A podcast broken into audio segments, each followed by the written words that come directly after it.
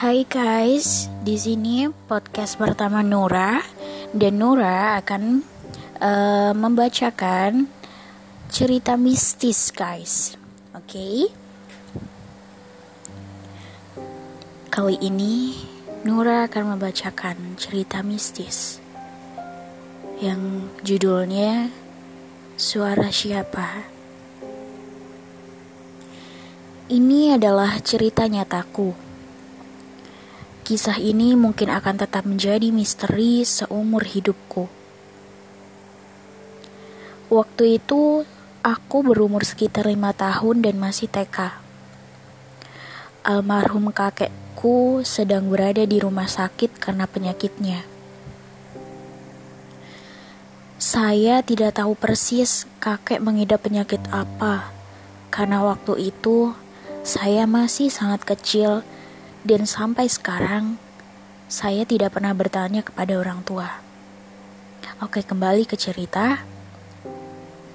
Malam itu jam menunjukkan pukul 22.00 atau jam 10 malam. Dan saya tinggal berdua di rumah hanya dengan ibu karena bapak dan nenek saya menjaga kakek di rumah sakit. Waktu itu hujan sangat lebat, bahkan jendela yang udah ibu tutup sampai kebuka. Saya tidur di samping ibu saya yang sudah terlelap lebih dulu. Saya menatap atap rumah sambil sesekali berimajinasi ala anak kecil, sampai akhirnya saya mendengar suara sayup-sayup